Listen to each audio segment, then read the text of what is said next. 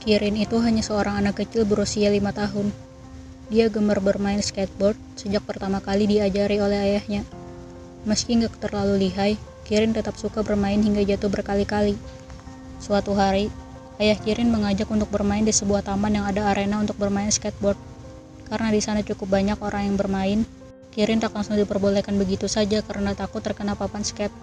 Sembari menunggu keadaan arena tak begitu ramai, Kirin pun diajak untuk mengelilingi taman dengan menaiki skateboardnya.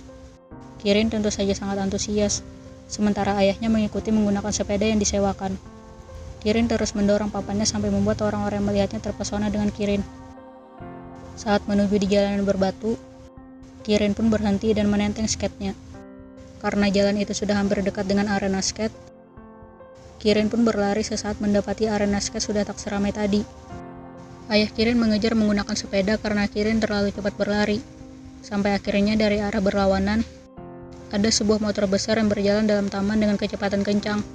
Ayah Kirin sempat lihat bahwa pemotor itu sama sekali tidak dalam keadaan panik semacam motornya lepas kontrol, melainkan tengah merokok sambil tertawa.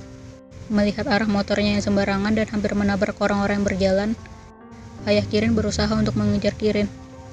Kejadian berikutnya terjadi sangat cepat. Kirin terlintas motor besar itu, sementara pemotor itu sendiri masih tetap melajukan motornya dengan tidak peduli. Melihat aksi gilanya itu, semua orang yang ada di taman pun mengejarnya. Sementara Kirin sudah tak lagi bisa diselamatkan lantaran tubuhnya yang langsung hancur, tergeletak di rerumputan.